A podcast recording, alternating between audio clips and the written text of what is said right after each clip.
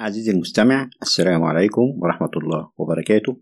مرحبا بكم في حلقة جديدة من برنامج الوعي بدين الله من إعداد وتقديم المهندس عبد الحليم محمود.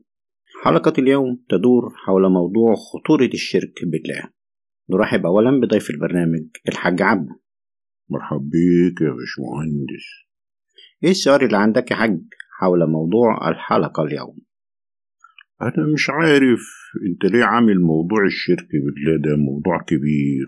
وعملته في منتهى الخطورة مع إن الناس بطلت تعبد الأصنام. يعني إيه لازمته ده كله؟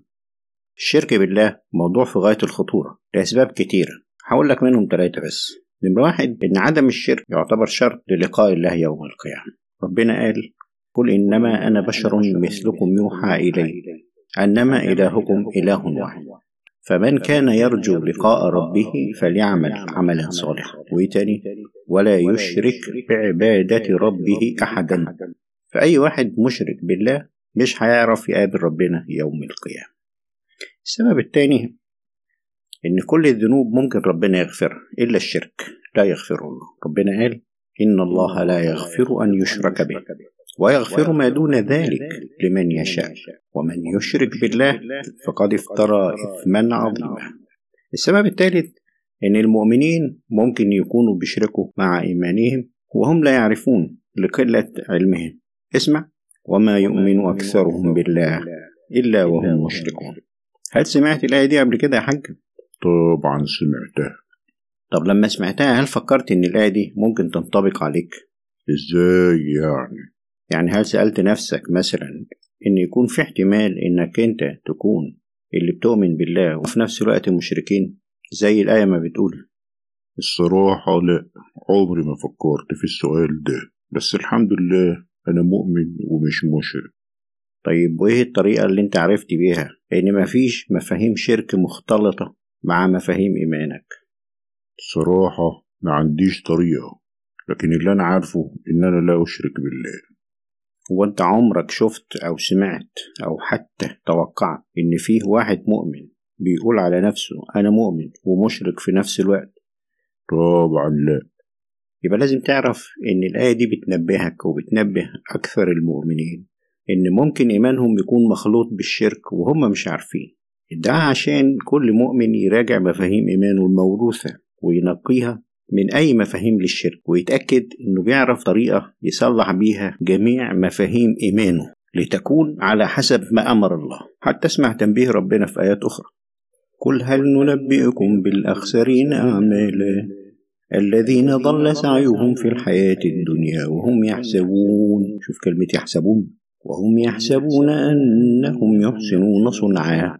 يعني أنت ممكن تحسب إنك أنت إيمانك كويس وإنك بتحسن الصنع. لكن أنت ما أنتش عارف إنك في الواقع في ضلال. أمال نعرف إزاي يا باشمهندس؟ إن إيماننا بالله خالي من الشرك. ما تاخدش الإجابة دي مني ولا من أي حد تاني لأن كل واحد عارف إن طريقته هي اللي صح. لكن خلي الإجابة الصح الأكيدة تعرفها أنت بنفسك لو عملت تحليل. عملت إيه؟ عملت إيه؟ عملت تحليل. يعني تقصد تحليل دم ولا بول ولا بس بس بس بس ما تكملش. لا تحليل دم ولا بول. انت عايز تعمل تحليل لمفاهيم إيمانك يا حاج. وأعمله في أنهي معمل ده يا باشمهندس؟ هتعمله في معمل البصيرة. آه عرفته. اللي في شارع البصرة اللي في المهندسين. هو ده يا باشمهندس. يا حاج اسمعني كويس. بقول لك معمل البصيرة مش معمل شارع البصرة. طب هو فين معمل البصيرة ده؟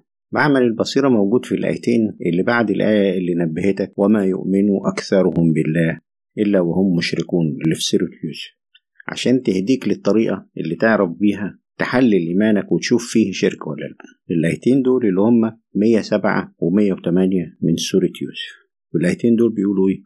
أفأمنوا أن تأتيهم غاشية من عذاب الله أو تأتيهم الساعة بغتة وهم لا يشعرون. قل هذه سبيلي أدعو إلى الله على بصيرة أنا ومن اتبعني وسبحان الله وما أنا من المشركين. صدق الله العظيم. بس أنا ما سمعتش يا باشمهندس أي سيرة المعمل في الآيتين دول ولا التحليل حتى. طيب تعال نتدبر مع بعض الآيتين دول وهتلاقي إن فيها ثلاث حاجات بتحفظ الإيمان من الشرك. إيه هي الثلاث حاجات دول؟ نمرة واحد الخوف من الله. نمرة اتنين السبيل اللي انت ماشي فيه في حياتك. نمرة تلاتة البصيرة.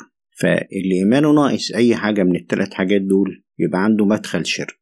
هقرأ الآيات تاني عشان تطلع منهم الثلاث حاجات دي.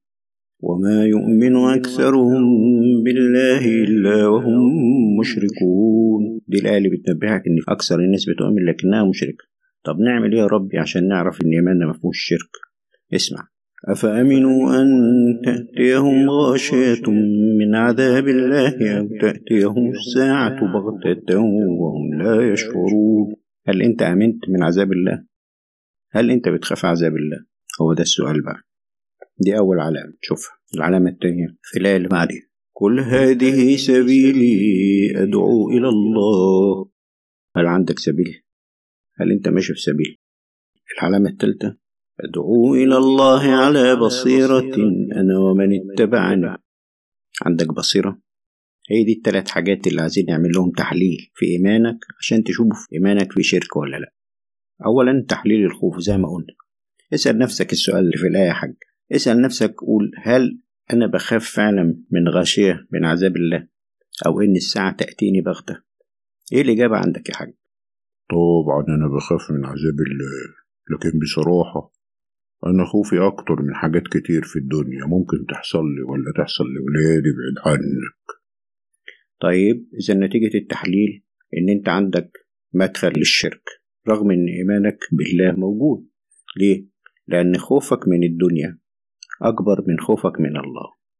طيب وإزاي أنقي إيماني من مدخل الشرك ده يا باشمهندس؟ كلمتين احفظهم. الخوف والرجاء. اجعل خوفك من الله وحده. واجعل رجائك في الله وحده. يعني إيه بس يا باشمهندس؟ اشرح لي اعمل معروف. يعني اجعل خوفك من عذاب الله أو بغتة الموت أكبر من خوفك على أي شيء في الدنيا وأكبر من خوفك من أي مدير أو وزير أو كبير أو إنس أو جن. ده الخوف. بالنسبة للرجاء فلا ترجو فضلا ولا نفعا من الخلق. ولا تظن أبدا إن أي حد من الناس ولا من الخلق سواء كان إنس ولا جن يملك نفعا ولا ضر لنفسه ولا ليك ولا الغير واعلم أن هذا شرك بالله. فاجمع كل رجائك في الله وحده ولا تقنط أبدا من رحمة الله لأن هو وحده القادر على كشف ما بك من ضر وهو القادر لوحده على أن ينزل عليك ما يشاء من فضل لا مرد له حتى لو كنت بتسأله معجزة بالنسبة إليك.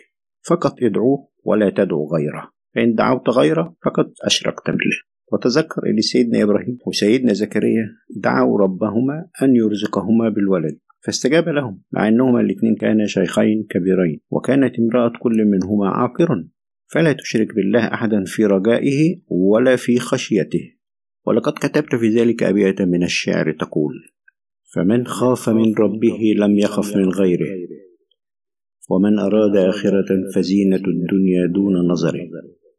فمن على خوفه من الله لأعلى سقفه نزل عنده شأن الدنيا لأسفل وصفه.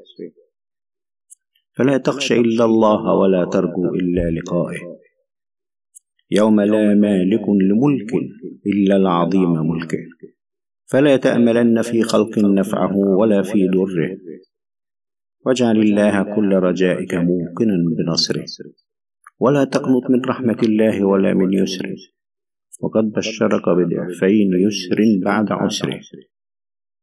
اللهم اجعل كل خوفي منك يا رب لا من غيرك واجعل أكبر رجائي فيك لا في غيرك ولا تجعلني من الذين يؤمنون وهم مشركون.